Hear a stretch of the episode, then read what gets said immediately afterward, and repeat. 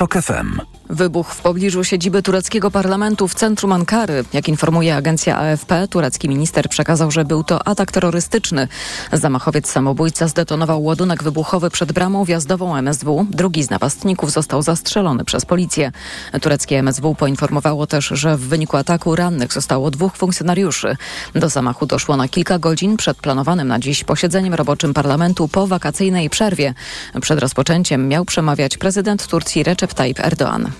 Słuchasz informacji TOK FM. Iga Świątek po odpadnięciu z rywalizacji w Tokio teraz będzie miała szansę na poprawę w Pekinie. To turniej rangi WTA 1000, a nasza najlepsza tenisistka zna już swoją najbliższą rywalkę. W Pekinie może nas czekać nie lada gratka z udziałem biało-czerwonych. Szymon Kępka. Ta gratka to potencjalne starcie Igi Świątek i Magdy Linetek. Mówiła o tym Joanna Sakowicz-Kostecka ekspertka Kanal Plus Sport. Myślę takie spełnienie marzeń polskiego kibica, gdybyśmy mogli zobaczyć konfrontację do dużej ary dwóch najlepszych aktualnie polskich tenisistek. Natomiast Iga Świątek przeżywa ostatnio spadek formy. Niedawno przestała być liderką światowego rankingu tenisistek w meczu z Weroniką Kudermietową, a więc pogromczynią z turnieju w Tokio. Było widać dużo błędów własnych naszej zawodniczki. W okresie, w którym ona się teraz znajduje, mam na myśli okres przygotowawczy, sztab nie ukrywał, że Iga jest w bardzo mocnym treningu, ponieważ e, w odróżnieniu do innych dyscyplin sportu tutaj nie mamy przerw między głównymi startami. W tenisie gra się właściwie co tydzień, co dwa tygodnie. Iga Świątek na inaugurację turnieju w Pekinie zmierzy się z Hiszpanką Sarą Soribes Tormo. Szymon Kępka, TOK FM. Kolejne informacje o 11. Za chwilę prognoza pogody. Pogoda. Dziś pochmurno z przejaśnieniami, na północy przelotny deszcz, a na termometrach maksymalnie 17 stopni w Lublinie i Rzeszowie, 18 w Warszawie, Łodzi, Krakowie, Katowicach, Szczecinie i Białymstoku, 19 w Trójmieście, Poznaniu i Wrocławiu. Radio TOK FM. Pierwsze radio informacyjne. Nagłe zastępstwo.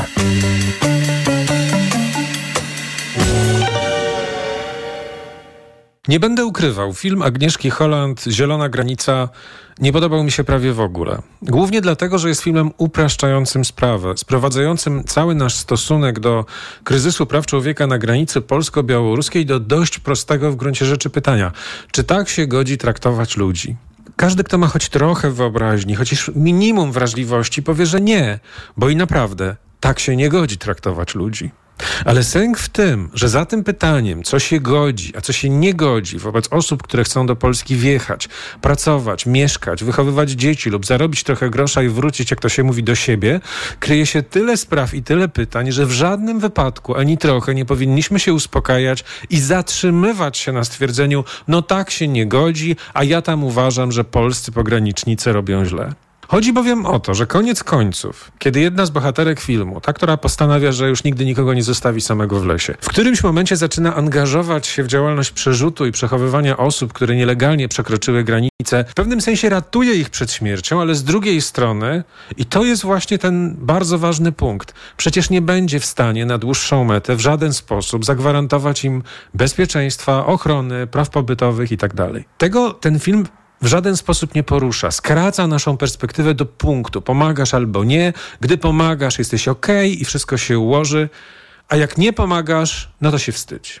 Mnie to niepokoi, dlatego że polska polityka migracyjna, o ile w ogóle jest jakaś polityka, w pewnym sensie cała działa właśnie w takim prostackim skrócie. Mogą tu przyjechać, mogą sobie zorganizować jakieś schronienie, w sumie bez większych przeszkód można im załatwić prawo pracy, ale co się dalej z nimi stanie, to już tak naprawdę nikogo nie obchodzi. Mówię oczywiście o sytuacji tych, którzy jak miliony Ukraińców wjechali do Polski absolutnie legalnie. Nie musieli przecinać żadnych drutów kolczastych, robić podkopów, nigdzie biec, przed kimkolwiek się chować. Nawet jeśli dostali prawo korzystania z polskich usług socjalnych, nie ukrywajmy nie najlepszej jakości, w dalszym ciągu przecież większość z nich może być w sytuacji z grubsza biorąc bez wyjścia. Mogą zostać nadużyci, czy to przez rozmaite grupy mafijne, czy przez nieuczciwych pracodawców na cały szereg sposobów. Mówimy cały czas o tych, którzy wjechali legalnie. Nawet oni są w zagrożeniu, są wystawieni na ryzyko. Nawet w ich wypadku nie zbudowaliśmy żadnego sensownego systemu reagowania i przeciwdziałania ich krzywdzie. W przypadku osób, które przekraczają granice nielegalnie, jest tysiąckrotnie trudniej.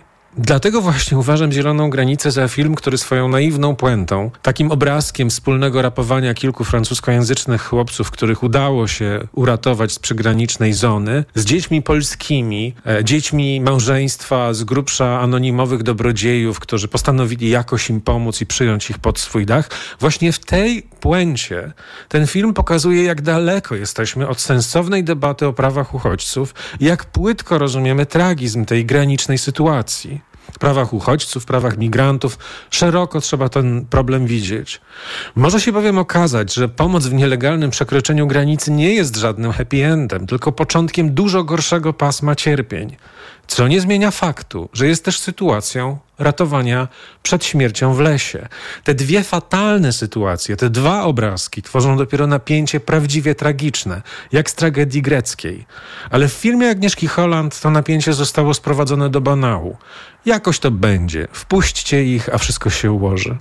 Tymczasem ułoży się tylko wtedy, gdy potraktujemy sprawę na tyle poważnie, że zaczniemy zadawać sobie pytanie, jakie jest minimum prawne, społeczne, socjalne naszego współistnienia z migrantami. Co możemy im zaoferować? Na co się godzimy, ale przede wszystkim na co weźmiemy odpowiedzialność? Co im możemy dać? Nie tylko na co im pozwalamy, ale też do czego wobec nich się zobowiązujemy jako kraj przyjmujący, jako wspólnota, jako społeczeństwo. To są bardzo poważne pytania. Nie wierzę, że bez odpowiedzi na nie czeka nas świetlana przyszłość kraju wieloetnicznego, wielokulturowego i wielojęzykowego. Nagłe zastępstwo. Jakub Janiszewski przy mikrofonie, a ze mną w studiu profesor e, Zbigniew Lasocik z Uniwersytetu Warszawskiego. Dzień dobry. Kłaniam się. Dzień dobry panie redaktorze, dzień dobry państwu. Panie profesorze, zjawisko handlu ludźmi w Polsce istnieje czy nie? Oczywiście. A jak, jaka dobrze. jest jego skala?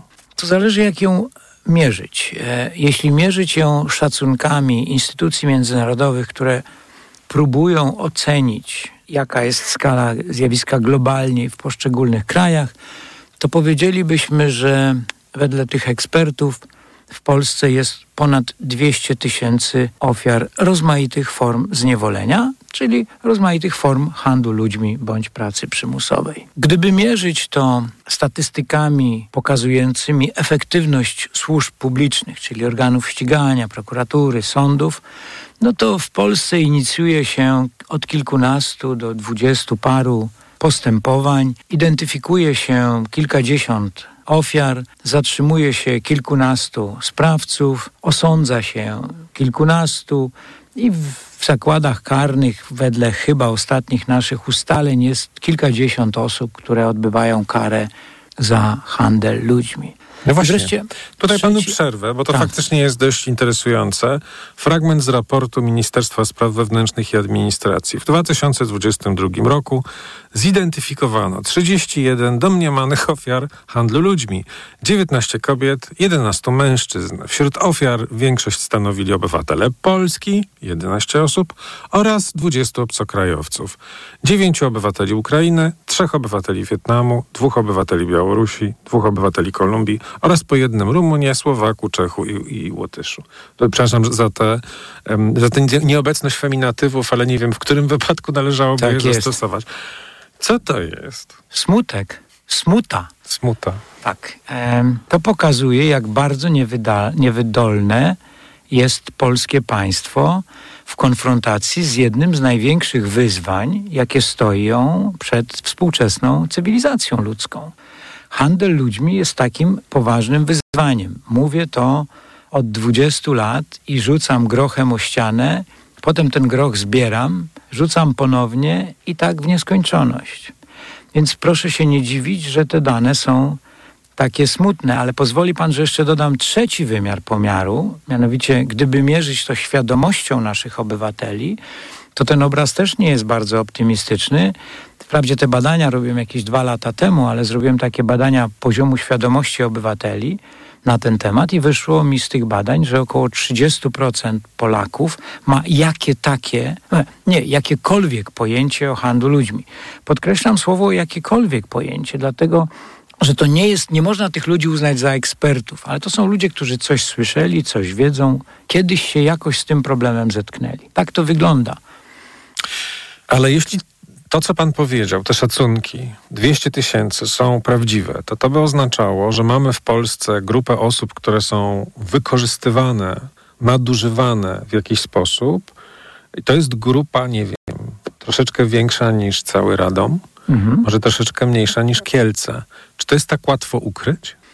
To jest bardzo skomplikowane zagadnienie i, i sformułował, to pyta- sformułował pan to pytanie no tak jak pan potrafi, e, korzystając ze swojej inteligencji. Mianowicie jest i łatwo, i trudno. Teraz, jeśli chodzi o takie formy handlu ludźmi, formy handlu ludźmi podzielilibyśmy na te bardziej widoczne i mniej widoczne. Jeśli mówimy o eksploatacji seksualnej, czyli o przymusowej prostytucji, to osoby, które tę usługę przymusowo świadczą, są dużo łatwiej identyfikowalne, widzialne. Niezależnie od tego, jaki jest status legalny świadczenia usług seksualnych, pracy seksualnej, to służby ścigania, organy ścigania ten sektor życia społecznego monitorują. Jeśli bardzo chcą, to zidentyfikowanie ofiar pracy przymusowej, czyli eksploatacji seksualnej, czyli ofiar handlu ludźmi, jest wykonalne. Jeżeli chodzi o handel narządami, to jest, ta, to jest ten specyficzny segment handlu ludźmi, który albo jest bardzo dobrze widoczny, czyli w takich systemach zbliżonych do polskiego, gdzie w zasadzie ten monitoring sal operacyjnych jest bardzo ścisły i, i bardzo trudno w Polsce byłoby sobie wyobrazić nielegalne przeszczepy, aż do krajów, gdzie ten system świadczenia usług medycznych jest kompletnie bez kontroli. Tam w zasadzie hulaj dusza piekła nie ma i kilka takich krajów na świecie jest.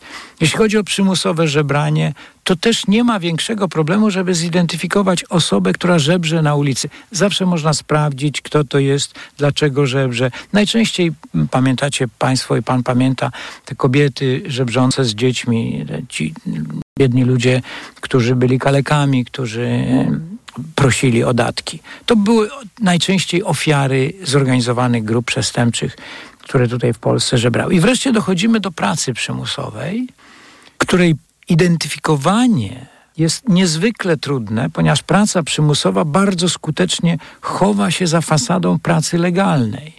Nikt na czole nie ma napisane jestem ofiarą pracy przymusowej, bo jest to taki sam pracownik jak każdy inny.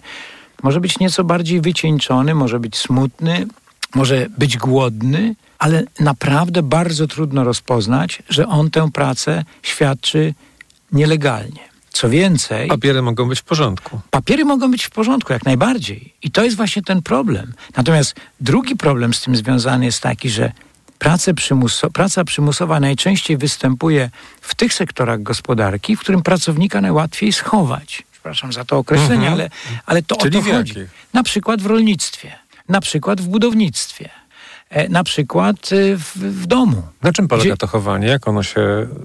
Jak, jak się tworzy taką sytuację ukrycia pracy wymuszonej? No, jeżeli wyobrazi pan sobie budowę jakiegoś bloku, to musiałby pan naprawdę przeanalizować przypadki wszystkich pracowników, którzy tam tynkują, zbijają, coś kruszą, czy coś przykręcają, czy kładą rury, żeby sprawdzić, jaki jest status tych ludzi. Jeśli na budowie pracuje 100 osób, jeśli pracują 3 osoby, to nie ma problemu. Ale jeśli 100, problem jest poważniejszy.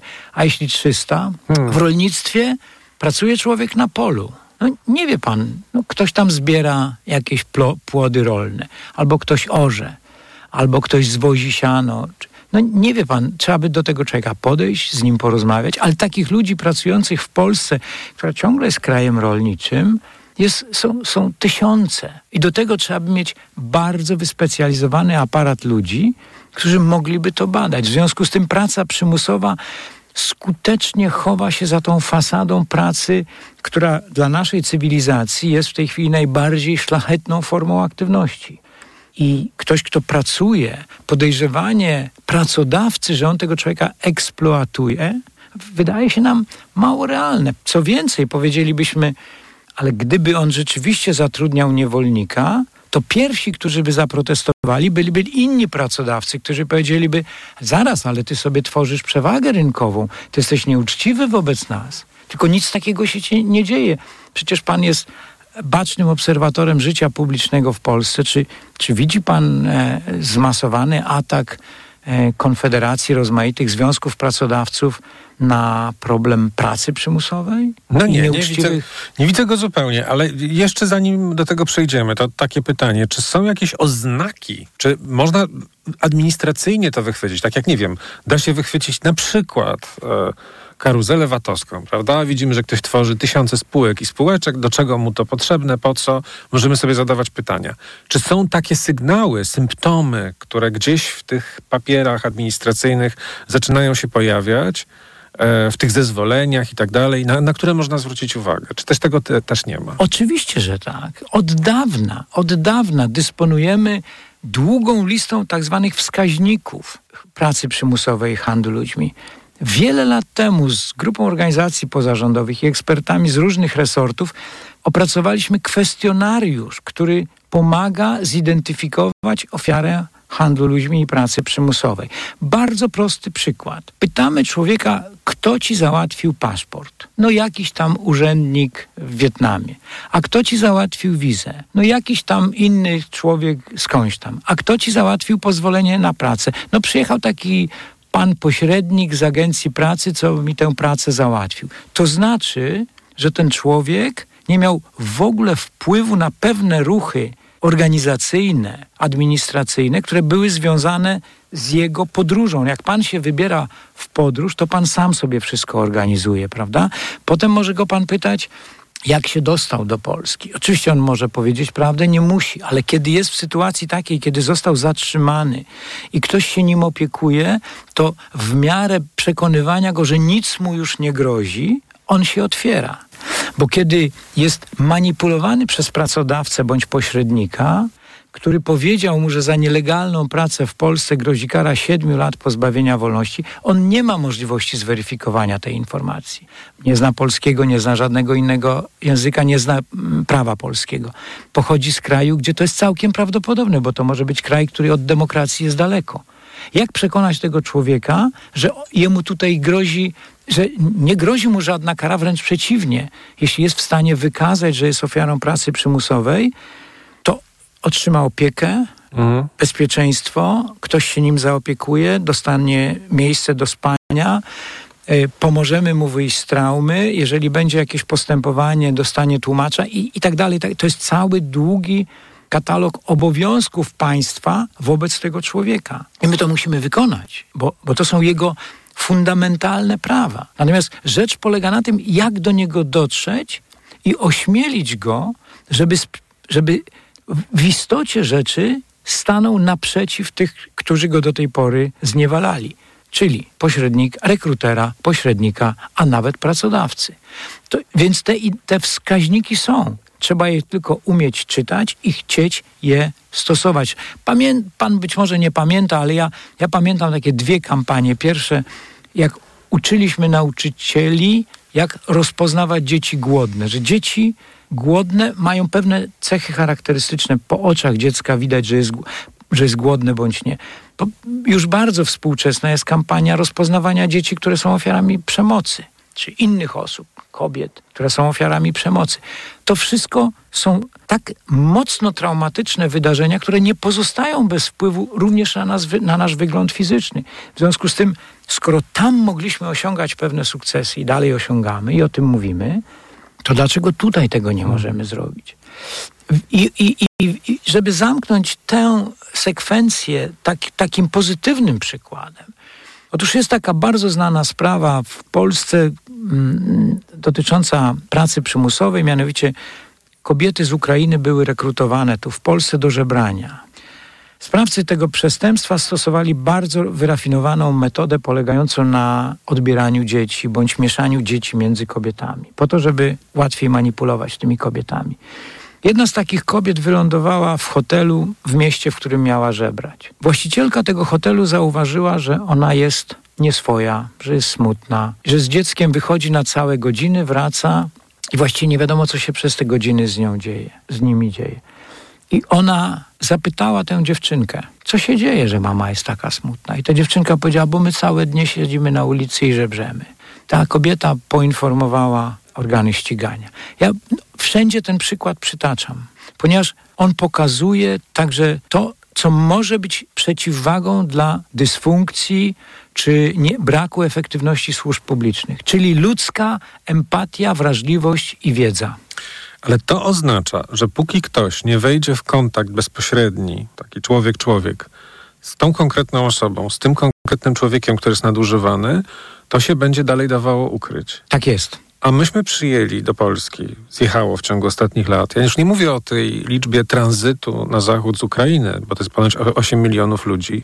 Półtora miliona Ukraińców do Polski przyjechało i zostało zarejestrowanych, ale jeszcze do tego mamy setki tysięcy ludzi z takich krajów jak Bangladesz, Nepal, Indie. Bardzo często to są ludzie, którzy nie mówią w żadnym z języków, które tutaj lokalnie jest jakoś powszechnie używany.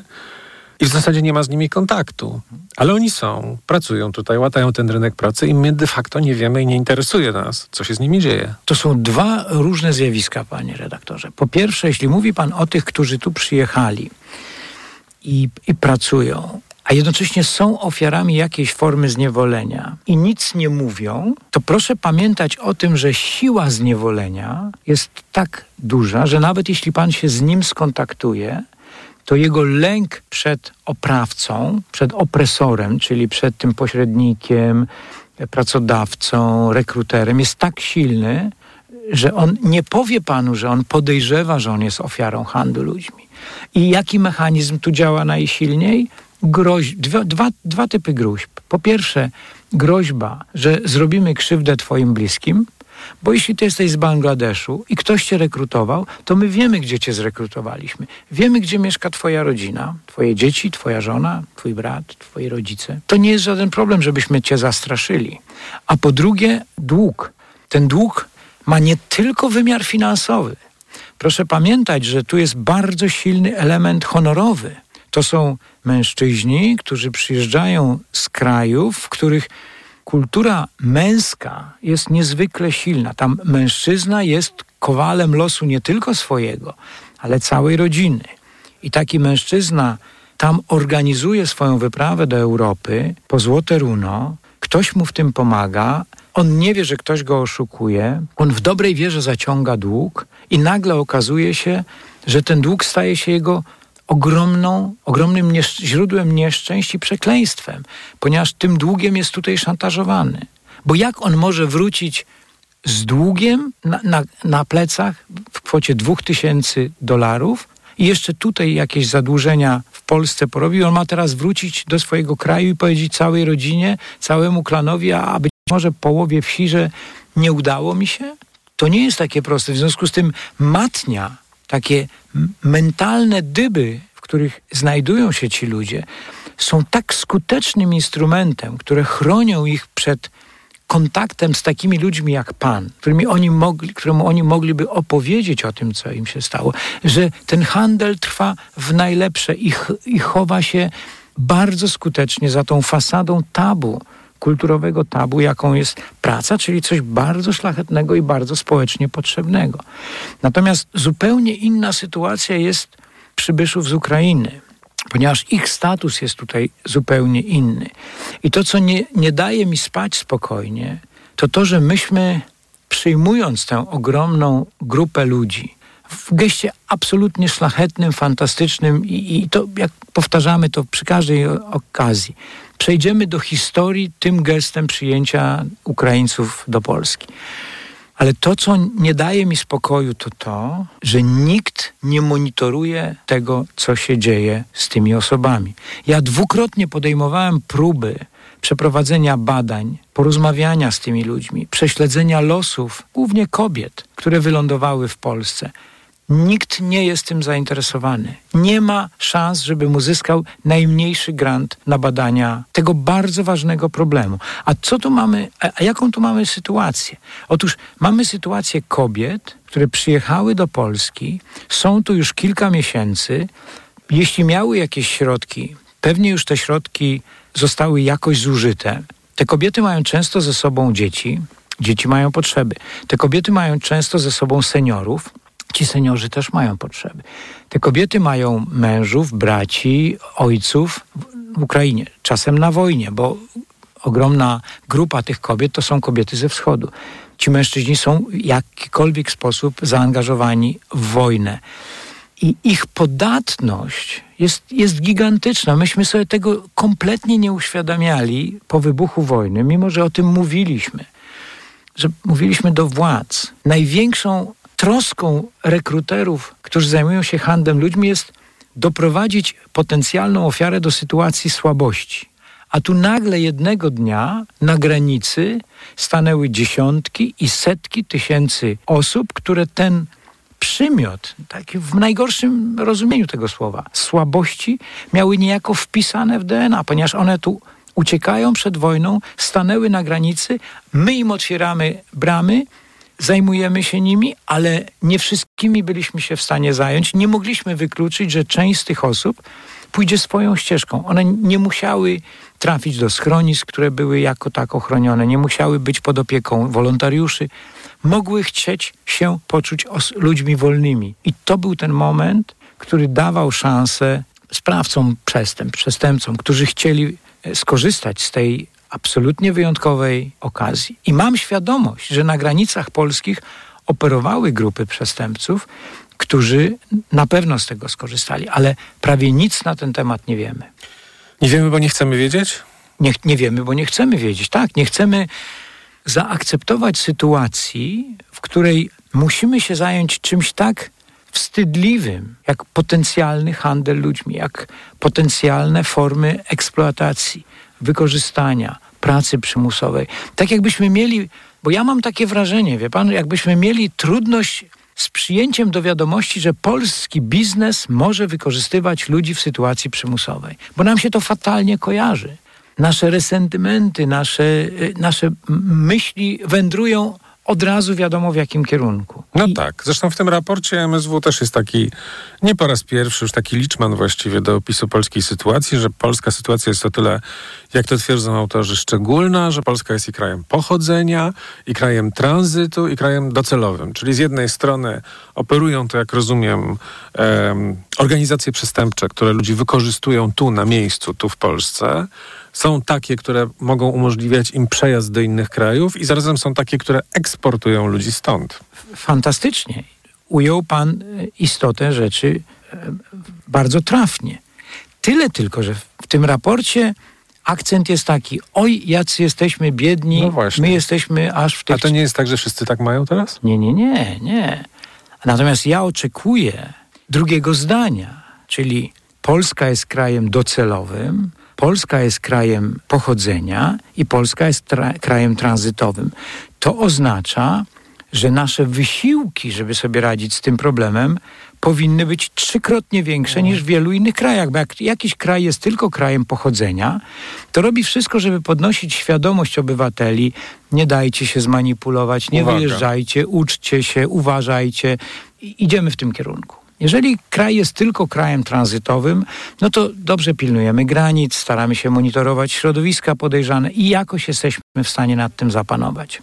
Jeśli jesteśmy krajem docelowym, to sytuacja jest troszkę trudniejsza, bo tu mogą być i ofiary pracy przymusowej, eksploatacji seksualnej, żebrania, ale w każdym razie ten organy ścigania wiedzą, czego się mają spodziewać. Nie muszą, jeśli mają podnosić świadomość obywateli, to nie dlatego, żeby dali się zniewolić, tylko dlatego, żeby nie korzystali z pracy przymusowej, żeby mieli oczy otwarte, żeby każdy sygnał zgłaszali policji i tak dalej, i tak dalej. Biznes zachęca się do tego, żeby się sprawozdawał również z tego, czy mamy stu, czy masz o to um, właścicielu firmy stuprocentową pewność, że żaden z Twoich pracowników nie jest niewolnikiem. Bo być może to jest duża, rozproszona firma, więc sprawdź, czy nikt z Twoich pracowników nie jest niewolnikiem. Drugie pytanie: sprawdź, czy żaden z Twoich kontrahentów nie zatrudnia niewolnika. No to taki biznesmen mówi: No ale jak ja mam to sprawdzić? No po prostu postaw warunek, że jeśli kontrahent nie powie, nie złoży oświadczenia, żaden z moich pracowników nie jest niewolnikiem, to i nie wejdziesz z nim w kontakt. On ci nie dostarczy drewna, węgla, nie zrobi ci dachu czy, czy kanalizacji. I tak dalej, i tak dalej. Więc sposobów radzenia sobie z tym jest wiele. A kraj, który jest krajem pochodzenia docelowym i tranzytowym, ma tych obowiązków bez liku Ale tu trzeba jasno nazwać priorytety, określić te priorytety, powiedzieć, problem handlu ludźmi jest wyzwaniem cywilizacyjnym, jest zbrodnią, jest poważnym naruszeniem praw człowieka. My, jako kraj demokratyczny, jako kraj nowoczesny w środku Europy, stajemy oto do rywalizacji z przestępcami. Rzuconą nam rękawicę podejmujemy i spróbujemy się z tym zmierzyć, ale w tym celu potrzebujemy dobrze wyszkolonych i ukształtowanej poprawnie praktyki, czyli dobrych organów ścigania. Potrzebujemy mediów, potrzebujemy organizacji pozarządowych, potrzebujemy lasocików, którzy zrobią badania na ten temat i powiedzą nam, jak to trzeba by poustawiać, żeby to było dobrze. Potrzebują budowania świadomości, kampanii, sensownych kampanii. A jak można zrobić w Polsce y, y, sensowną kampanię informacyjną, skoro Polska jako kraj 40-milionowy wydaje na eliminowanie handlu ludźmi półtora miliona złotych. No pan sobie to jest w stanie wyobrazić? Tak, jestem, dlatego że w jednym z raportów MSWiA, na które się cały czas powołuje, był taki bardzo ładny, takie ładne wyliczenie, co my robimy z tą sprawą i muszę powiedzieć, że ono było aż zabawne. Ale tu też jest nawet dość ciekawie w, w tym e, ubiegłorocznym. Mianowicie możemy na przykład poczytać o tym, jakie to pogadanki się odbyły, tak, jakie tak, materiały wydrukowano. Tak. Czy my mamy prewencję plakatowo-ulotkową? Tak, tak, tak. To jest taka prewencja plakat, plakatowo-ulotkowa. Zresztą tam w tym raporcie też pan może wyczytać o takiej mobilnej wystawie. Tak, mobilna wystawa, która jeździ po Polsce. Muszę tak. powiedzieć, że no fajnie.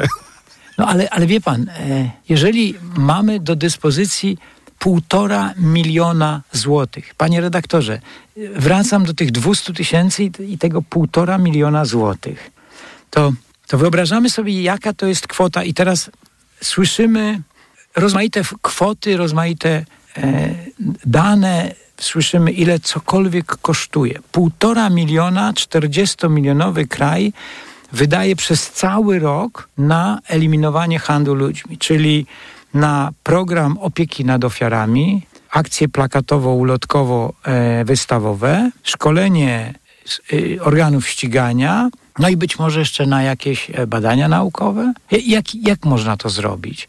E, organizacje, które zajmują się pomaganiem ofiarom, mówią, że już w połowie roku w zasadzie nie mają pieniędzy. No bo to są ludzi, ludzie, którzy mają bardzo poważne potrzeby, bo to są ludzie bardzo często chorzy, w silnej traumie. To są ludzie, którzy potrzebują schronienia. To są ludzie, którzy nie mówią po polsku, po angielsku, w żadnym innym języku, więc potrzebują tłumaczy. W ich sprawach toczą się postępowania, więc trzeba im pomóc w tych postępowaniach uczestniczyć. Trzeba rozwiązywać ich problemy medyczne, oni bardzo często chorują. To są często dzieci. No, tych potrzeb jest bez liku. No dobrze, to teraz upgrade'ujmy tą naszą rozmowę do sytuacji, którą mamy od ubiegłego tygodnia. Okazało się, że, czy dwa tygodnie temu mniej więcej, okazało się, że najprawdopodobniej w e, Ministerstwie Spraw Zagranicznych działała, no nie wiem, czy to nazwać grupą przestępczą, ale na pewno ktoś tam się dopuszczał przestępstwa nielegalnego wydawania wiz. Opozycja oskarża tychże ludzi i obóz rządzący, że to jest handel ludźmi. I co pan na to? Cieszy się pan, że to nie. pojęcie... Nie, nie, nie cieszę się. Choć powinienem, właściwie powinienem mieć takie schadenfreude, e, ale, ale nie mam. E, to hasło padło. No, no, no pojawiło się to słowo i, i rzeczywiście teraz zainteresowanie mediów e, i naszym ośrodkiem jest troszkę większe. Ale ale jakby to powiedzieć delikatnie. Niedorzecznie padło. Niedorzecznie. Mhm. Bez sprawdzenia, bez weryfikacji. Chociaż zakładam dobrą wolę. Mhm. Czyli, że słusznie komuś dzwoni, ale być może się ktoś spieszy. Tak, ale trzeba by zobaczyć, jaka jest definicja mhm. handlu ludźmi i zobaczyć, czy rzeczywiście handel ludźmi może wystąpić. Nie można powiedzieć, że przypadków handlu ludźmi nie było, ale też trzeba popatrzeć na tę sytuację z rozmaitych punktów widzenia. Pierwszy to jest to, co wydarzyło się tam. Czyli mamy tu kilka scenariuszy. Pierwszy, najprostszy, jest rekruter, który opowiada ludziom, że za 3000 dolarów załatwi polską wizę, ale oczywiście kłamie, ponieważ nie ma żadnych kontaktów w polskiej ambasadzie i to jest oszustwo. Udaje, uda mu się naciągnąć pięć osób. Zarobi parę groszy i znika. I musi zniknąć, ponieważ on tych wiz nie załatwi. W związku z tym w tym konkretnym miejscu jest spalony. Jedzie do innego konsulatu czy do innego miasta. Druga sytuacja to jest taka sytuacja, kiedy on, ten człowiek nie tylko powołuje się na wpływy w konsulacie, ale rzeczywiście jakieś wpływy może mieć. W związku z tym on może mieć pewną efektywność, ale nie stuprocentową. Czyli tu znowu jest taka sytuacja dość skomplikowana, że niektórym się uda, a niektórym się nie uda tych wiz załatwić. Być może ci mężczyźni, których tutaj w Ugandzie oglądaliśmy, może to byli ci panowie, którym się nie udało tych wiz załatwić. Oni te pieniądze załatwili, ale ten układ z konsulatem był tak słaby, że to w zasadzie pojedyncze przypadki uda się przepchnąć. Trzecia sytuacja, trzeci scenariusz możliwy to jest taki, kiedy jest rzeczywiście porozumienie pomiędzy tymi rekruterami, czyli pośrednikami i punktem i tym placówką konsularną. Nie ma problemu, zbierajcie chętnych, my będziemy załatwiali wizy. I teraz jest kwestia, jak dzielimy się pieniędzmi. Czy po bratersku, czy, czy 50-50. Ale to już jest kwestia szczegółów technicznych. Natomiast w tej sytuacji mamy do czynienia z, z, ze ścisłym związkiem, czyli z kryminologicznego punktu widzenia, mamy współsprawstwo. Mamy placówkę konsularną, mamy pośredników, którzy oszukują jakiś. Znaczy, nie oszukują w gruncie rzeczy, bo oni oferują tę wizę i tę wizę ten człowiek dostaje, tyle tylko, że dostaje ją za pieniądze, za łapówkę. I wreszcie jest czwarty scenariusz, e, całkiem możliwy, że ten łańcuszek rozszerza się również na MSZ. Czyli MSZ, w MSZ powstaje jakaś grupa. Nie nazywajmy jej w tej chwili zorganizowaną grupą przestępczą, gangiem, no, no bo tak, nie wiemy. Nie wiemy. Jak zrobimy, y, przeprowadzimy postępowanie albo zrobimy dobre badania kryminologiczne, to powiemy. Teraz nie możemy wykluczyć takiej sytuacji, że w tym resorcie pojawili się jacyś ludzie, którzy stymulowali pewne placówki w pewnych miejscach, mówiąc: Słuchajcie, to my tutaj dajemy zielone światło, próbujcie coś kombinować, ale tak, żebyśmy też mieli jakieś pieniądze. Czy to było tak, że to są prywatne przedsięwzięcia? Czy też były to, był to sposób zarabiania pieniędzy dla państwa, ja nie potrafię przesądzić i nie rozstrzygnę tego w tej chwili. Jak, jak się dowiemy, to będziemy mogli powiedzieć. I to jest taka, taki przegląd, czy taka matryca kilku podstawowych mm, scenariuszy. Oczywiście można je komplikować, ale nie, nie w tym rzecz. Ale to, co jest w tej chwili ważne z punktu widzenia handlu ludźmi. Wracamy do początku naszej rozmowy. Jeżeli ten pośrednik dowiaduje się od zainteresowanego, że on nie ma tych pięciu tysięcy, ale ma trzy, a pośrednik mówi: Dobra, to ja ci te dwa pożyczę, polska placówka da ci wizę, ty pojedziesz do Polski, tam będziesz pracował i będziesz mi te dwa tysiące zwracał.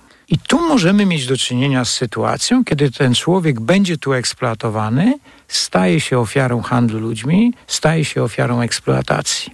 Jeśli ten człowiek będzie miał plan wyjechać do innego kraju, to ci przestępcy mają żywotny interes w tym, żeby go pilnować. W związku z tym nie mogą go stracić z, oko, z oka i nawet jeżeli za ich zgodą pojedzie do innego kraju, to tam musi go pilnować inny człowiek. W związku z tym już tworzy się sieć powiązań kryminalnych, które powstają tylko po to, żeby zagwarantować zwrot tych dwóch tysięcy, a tak naprawdę zagwarantować zwrot pięciu, ośmiu tysięcy, bo to o to chodzi. Żeby z tego żeby tego pracownika eksploatować tak długo, żeby nie tylko odzyskać te dwa tysiące, ale zwielokrotnić zysk. Dwukrotnie, trzykrotnie, jakkolwiek. I możemy mieć wreszcie taką sytuację, że ten handel przenosi się już na stronę polską. Czyli tam jest nominalnie wszystko w porządku. Człowiek płaci za wizę, tę wizę dostaje. To jest oczywiście łapówka, to jest nielegalne. Mhm, no On i... przyjeżdża do Polski i tu jest już bezbronny, ponieważ ma tylko polską wizę, wjechał do Polski. I tu się już na razie nie ma tu żadnych kontaktów, bo ci, którzy mu obiecywali te kontakty, powiedzieli, my się tobą zajmiemy. Czyli bardziej szlak przerzutowy niż handel ludźmi. Tak, tak, to jest przerzut. To jest przerzut ludzi i to też właściwie nie jest przemyt, bo mhm, klasyczny tak. przemyt jest, jest y, fenomenologicznie czy kryminologicznie jest jeszcze czym innym. To jest taki przerzut w oparciu o legalny kanał wizowy z wykorzystaniem mhm. jakichś form nieuczciwości pracowników służb konsularnych oraz sprytu pośredników, handlarzy, rekruterów, jakbyśmy ich Czyli nie żeby się dowiedzieć, co właściwie zaszło, musielibyśmy każdy z tych przypadków przeanalizować z osobna i uważnie stwierdzić, z jaką sytuacją mamy do czynienia. Tak jest, żeby móc powiedzieć, że mamy do czynienia z handlem ludźmi, trzeba by było te konkretne przypadki handlu ludźmi zidentyfikować, tych ludzi znaleźć, zbadać ich sytuację, porozmawiać z nimi, przeanalizować szlak, który oni pokonali, ustalić źródła pochodzenia pieniędzy, bo to nie jest tak, że jak on wpłaca pośrednikowi 5 tysięcy, to nas pośrednika nie interesuje, pracownika konsulatu nie interesuje, skąd on te tak. pieniądze wziął, ale mnie, kryminologa, interesuje, bo jeśli ja wiem, że to są jego oszczędności, to jest sytuacja inna. Ale jeśli na te 5 tysięcy złożyło się kilka rodzin, albo jeśli on sprzedał coś, żeby te 5 tysięcy uzyskać, to on tworzy sytuację spalonego mostu. Mhm. On jedzie do Polski z, z, udziałem polskich służb konsularnych i jakichś nieuczciwych pośredników rujnuje swoje życie. Mhm. Czyli w pewnym sensie staje się w takiej, znajduje się w takiej pułapce jak ofiary pułapce. handlu ludźmi. Tak, znajduje się właśnie w takiej pułapce jak ofiara handlu ludźmi. A czy w takim wypadku możemy to powiedzieć o ludziach, którzy zostali przez pograniczników białoruskich napuszczeni na polską granicę i nie mogą się cofnąć? Że oni też się znaleźli w takiej pułapce? Tu powiedziałbym trochę inaczej. E, reżim białoruski wykorzystuje tych ludzi do tego, żeby destabilizować tak. sytuację w Polsce. To jest jedno z przestępstw tak zwanych transgranicznych. Klasyczne zabiegi, w kryminologii mamy to dobrze opisane. Ale teraz gdzie tu jest problem? Oni oczywiście są ofiarami jakiejś formy zniewolenia. Nie ulega to najmniejszej wątpliwości. Natomiast nie możemy zamykać oczu na to, że im wyższy mur, tym większy koszt przerzucenia człowieka przez ten mur. Mhm. I w sensie tak. symbolicznym, tak. i w sensie tak. realnym. W związku z tym zbudowanie tej bariery, postawienie tam wojska, yy, wykluczenie możliwości ubiegania się o, o status sprawiło, że tam zaczęły operować grupy przestępcze, które tych ludzi przerzucają przez granicę. Bo my wiemy, od Straży Granicznej, ilu, ile prób udało się udaremnić. Mhm. Natomiast nie wiemy, ilu ludziom udało się przejechać. A to, że... dane niemieckie pozwalają tak jest. wysnuć Chcę o tym powiedzieć. Otóż to, my się dowiadujemy ze strony niemieckiej, ile osób trafia akurat do Niemiec. Inne kraje też nas o tym in informują. Czyli na pewno jacyś ludzie przejeżdżają. Ale to mało. Ci ludzie są bardzo często w sytuacji, w takiej sytuacji, jaką opisaliśmy. Są tam na Białorusi kilka tygodni, kilka miesięcy. Już ktoś ich oszukał, już jakieś pieniądze dali za przerzut. Nie udało się. Więc tych pieniędzy zaczyna brakować. W związku z tym oni znowu są w sytuacji pułapki, nie mogą wrócić. Muszą no przepłacić właśnie. czy opłacić kolejny gang, który spróbuje ich przerzucić. Jeśli uda się ich przerzucić, to albo w Polsce, albo w innych krajach europejskich oni podlegają znowu procesowi zniewolenia. I Niemcy informują o tym, że trafiają do nich ofiary rozmaitych form zniewolenia i eksploatacji tu w Polsce. No nie możemy na to zamykać oczu. Tak jak nie możemy zamknąć oczu na, na fakt, że niektóre kobiety ukraińskie mogły być w Polsce eksploatowane i być może są eksploatowane i być może będą eksploatowane, dlatego że ludzie są nieuczciwi, tak nie możemy wykluczyć sytuacji, że do Polski z Białorusi dostali się ludzie, którzy właśnie przez tę symboliczną i realną wysokość muru popadli w zależność od tych, którzy ten, ten mur obniżają. Czyli my sym... powinniśmy de facto traktować ich jako potencjalne ofiary grup przestępczych, potencjalne ofiary jakby handlu ludźmi, czy nie? Lepiej bym tego nie ujął. Czyli Oczywiście, rozumiem, że, tak. że jeżeli oni przekraczają polską granicę, nawet jeżeli zostali wyposażeni przez białoruskich pograniczników, nie wiem, w łopaty, w jakieś tam urządzenia do cięcia metalu i tak dalej, sforsowali tą granicę z koncertiny, no to rozumiem, że my powinniśmy jako kraj praworządny zająć się nimi. Nie powinniśmy absolutnie stosować żadnego pushbacku, bo to może być ofiara jakby grupy przestępczej. Powinniśmy zrobić wszystko, co możliwe i prawie wszystko, co niemożliwe, żeby wykluczyć sytuację, że ten konkretny człowiek jest ofiarą handlu ludźmi. My nie.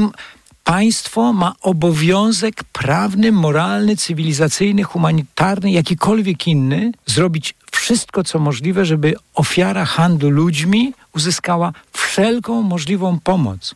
Naruszenie tego standardu jest w zasadzie stawianiem się poza nawiasem cywilizacji ludzkiej XXI wieku. Państwo, które nie jest w stanie sprostać obowiązkowi zaopiekowania się ofiarą handlu ludźmi, no nie zasługuje na, na to, żeby być państwem nowoczesnym. To prawda, a równocześnie, jeżeli się popatrzy na taki raport um, um, przygotowywany przez administrację amerykańską, w którym są analizowane kraje świata pod względem realizacji tworzenia takich systemów przeciwdziałania handlu ludźmi, e, no to się okazuje, że w zasadzie takich krajów, które sobie dobrze z tym radzą, jest mniejszość. I że na przykład w Europie to, będzie, to będzie zachodnia Europa, ale Niemcy już nie. Holandia jest takim krajem. Holandia jest, jeśli chodzi o Europę, Holandia jest absolutnym liderem.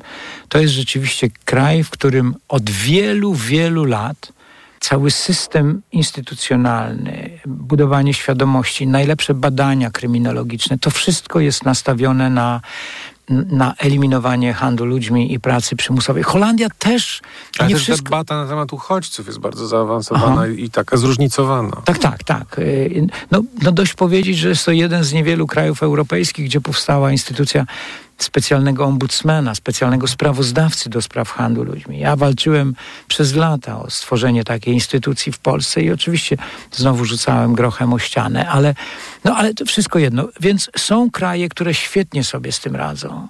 Są kraje, które rodzą sobie słabo. Są kraje, które w ogóle tego nie robią. Pewnie pan wie, bo też pewnie pan jakoś tam analizował informację, że Polska w roku 2019 została zdegradowana przez Departament Stanu USA do kategorii drugiej tak. państw, które radzą sobie tak. z handlem ludźmi. W pierwszej kategorii są kraje, które robią to dobrze. W drugiej kategorii są kraje, które robią to słabo, które no, próbują, ale im nie krajów, wychodzi. które robią to dobrze, jeśli pamiętam tą mapę Europy, to jest Skandynawia, Francja, Hiszpania, Portugalia, Włochy już nie, Austria chyba Czechy całkiem wysoko. Tak. Szwajcaria chyba z krajów europejskich. Jeszcze może Wielka Brytania nie jest Niemcy ostatnio też mieli kłopoty. Irlandia Niemcy ma kłopoty, bo Irlandia tak. ma kłopoty z systemem schronisk dla, dla ofiar handlu ludźmi, więc Irlandia też ma niską ocenę. Ale nie o tym, nie patrzmy na innych. Fakty są takie. 2019 Amerykanie wykazali długą listę grzechów Polski i powiedzieli: Bardzo nam przykro, ale już nie możecie być zaliczeni do kategorii pierwszej, spadacie do kategorii drugiej. Od 2009 roku, 19 roku upłynęło 4 lata i nic się nie wydarzyło. Polska nie robi nic, żeby uzyskać ten upgrade czy awans. Amerykanie w zasadzie na podstawie ustawodawstwa amerykańskiego rząd amerykański w zasadzie ma obowiązek nam pomóc. Ale jak ja pytałem ambasadę amerykańską, czy oni cokolwiek robią, to oni mówią tak dyplomatycznie, no ale tak próbujemy, ale no jak nie ma zainteresowania ze strony rządu, no to my też nie bardzo możemy. Bo te relacje polsko-amerykańskie są bardzo delikatne. I tu powiedzieć wprost, ludzie bierzcie się do roboty, bo niedługo spadniecie do trzeciej kategorii, no to, to nie jest takie łatwe. Szczególnie, że jest wojna w Ukrainie. No proszę pamiętać, że zmienna wojna w Ukrainie to jest zmienna, która przekształca sytuację polityczną, geopolityczną diametralnie. No, to jest, pana nie muszę przekonywać, jak to jest ważne wydarzenie, które wpływa na kształt naszej geopolityki. Czemu tak jest? Czemu tak nam jest dobrze z tym, moja że mamy w nosie tych ludzi? Moja diagnoza jest taka. Po pierwsze, handel ludźmi to jest przestępstwo, które tak awista kojarzy się z prostytucją, z pracą seksualną, a więc z czymś, co w Polsce niby nie jest zabronione, ale jest brudne. Tak. Jest, takie, jest objęte rodzajem kulturowego tabu. Po drugie, praca przymusowa, handel ludźmi, siłą rzeczy nasuwa nam myśl o migracji aha, to na pewno, no zawsze się wszystkim kojarzył handel ludźmi. Nie handlowało się ludźmi w ramach własnego kraju. Raczej handlowało się cudzoziemcami. Praca przymusowa też raczej kojarzyła nam się, że skądś się ludzi brało, gdzieś się je, ich wiozło i oni tam pracowali. To jest drugi obszar, który w Polsce nie jest objęty jakąś szczególną sympatią i władzy, i społeczeństwa. I po trzecie wreszcie myślę, że taki rodzaj sprytu naszej władzy polega na tym, że jak nie trzeba brać ryzykownych przedsięwzięć na plecy, to lepiej tego nie robić. No bo jak da się jakoś tu lawirować i, i ostatnio rząd polski informuje na wszystkie możliwe strony, że zwiększył nakłady na zwalczanie handlu ludźmi o 300 tysięcy złotych, no więc wie pan, to 300 tysięcy złotych to przepraszam, ale bogaty polski biznesmen to ma w, w, portfelu. Więc i to jest te trzy elementy wzięte za przeproszeniem do kupy sprawiają, że Polska jest takim krajem, który jest niestety w ogonie, europejskim ogonie radzenia sobie z handlem ludźmi i pracą przymusową. Tak myślę. Pewnie są jakieś inne powody, ale te trzy wydają się być takie bardzo oczywiste, czytelne, no i chyba najbardziej dolegliwe. No bo po co dokładać sobie kolejny problem, z którego rozwikłaniem będzie mnóstwo kłopotów. Tak, i, i to, i żeby to było jasne, to nie jest taki problem, który będzie nas kosztował miliardy. Tu naprawdę nie trzeba ogromnych nakładów.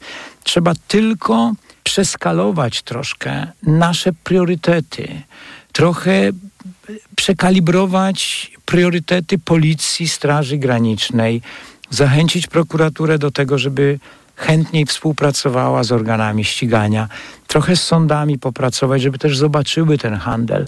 Y, no i edukacja. Wszystkie służby socjalne, medyczne, szkolne, ci ludzie powinni mieć świadomość handlu ludźmi. Nigdzie właściwie nie słyszałem, żeby na, na wydziałach medycznych gdziekolwiek mówiło się o handlu ludźmi. Y, na studiach pedagogicznych nie mówi się o handlu ludźmi. Y, służby socjalne. Kiedyś był taki program, sam jeździłem po Polsce, szkoliłem służby socjalne w zakresie rozpoznawania ofiar handlu ludźmi, edukacja, taka, taka podstawowa wiedza na temat handlu ludźmi. Śladu po tym, być może lepsi eksperci ode mnie szkolą, ale, ale to nie jest program masowy. W związku z tym z jednej strony trzeba podnieść efektywność pracy, yy, pracy służb yy, publicznych, głównie organów ścigania budować świadomość obywatelską, robić badania na ten temat, no i zachęcać dwa podstawowe podmioty, które powinny być zaangażowane w problematykę pracy przymusowej, czyli związki zawodowe i związki pracodawców. Nie może być tak, że te dwa ważne sektory trzeciego y, społeczeństwa obywatelskiego nie są zaangażowane w eliminowanie tego bardzo poważnego zjawiska, negatywnego, kryminalnego. Profesor Zbigniew Lasocik z Uniwersytetu Warszawskiego był Państwa i moim gościem. Dziękuję bardzo. Dziękuję panie redaktorze. Do widzenia Państwu. Nagłe zastępstwo.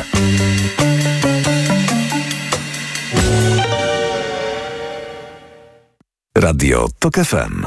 Pierwsze radio informacyjne polskich sądów wraca mentalność za czasów komuny znana w tych sądach.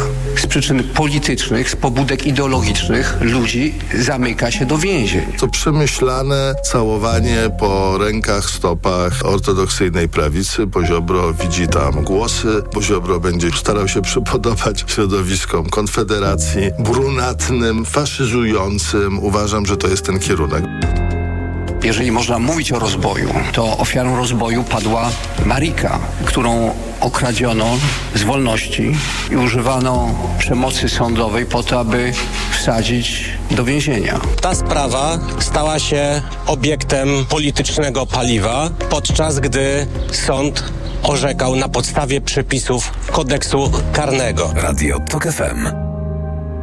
Pierwsze radio informacyjne. Posłuchaj aby zrozumieć.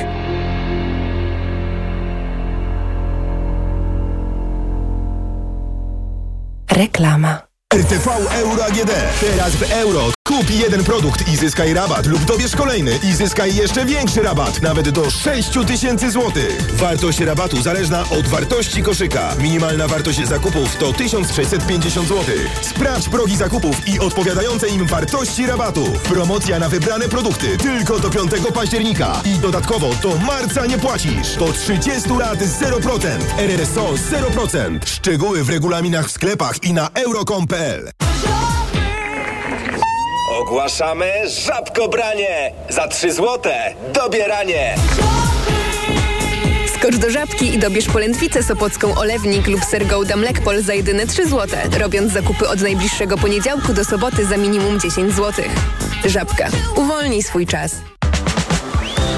Chciałabym już być na jakiejś pięknej plaży z widokiem na... Elektrownię jądrową. Chyba będziemy spędzać wakacje osobno. Niekoniecznie. Znam takie miejsce w Hiszpanii. O, robi się ciekawie. Vandejos. Masz tam elektrownię jądrową tuż przy plaży. Taka elektrownia jest przecież cicha i bezpieczna. Nie zanieczyszcza środowiska. Niezły selfie z wakacji. Jest moc. Dowiedz się więcej o bezpiecznej, nowoczesnej energii jądrowej dla polskich rodzin na poznajatomickich.pl. Kampania Ministerstwa Klimatu i Środowiska. Wyobraziłaś już sobie idealne mieszkanie? Jeszcze nie. Jest tak wiele czynników. Na szczęście ktoś uwzględnił je wszystkie za nas. Naprawdę? Kto? Skanska. Od lat tworzy niepowtarzalne osiedla, a teraz oferuje mieszkania z systemem automatyki Smart Home w standardzie. Dzięki temu przy pomocy smartfona można kontrolować zużycie energii elektrycznej i ogrzewanie i oszczędzać na rachunkach. Są takie mieszkania? Przekonaj się. Szczegóły na stronie mieszkaj.skanska.pl Skanska. Tworzymy przestrzeń, którą nazwiesz domem.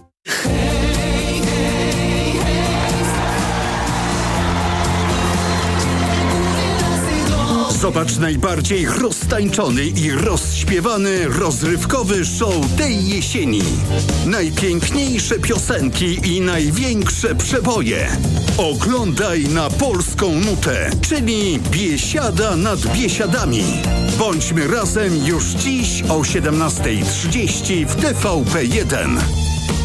No i zobacz, Barbara, co się urodziło. No, Marian, gratuluję. Oj tam, Barbara, no, na przecenie w Media Expert. Przeceny na urodziny w Media Expert. Na przykład Smart TV Samsung 55 cali. Najniższa cena z ostatnich 30 dni przed obniżką 2490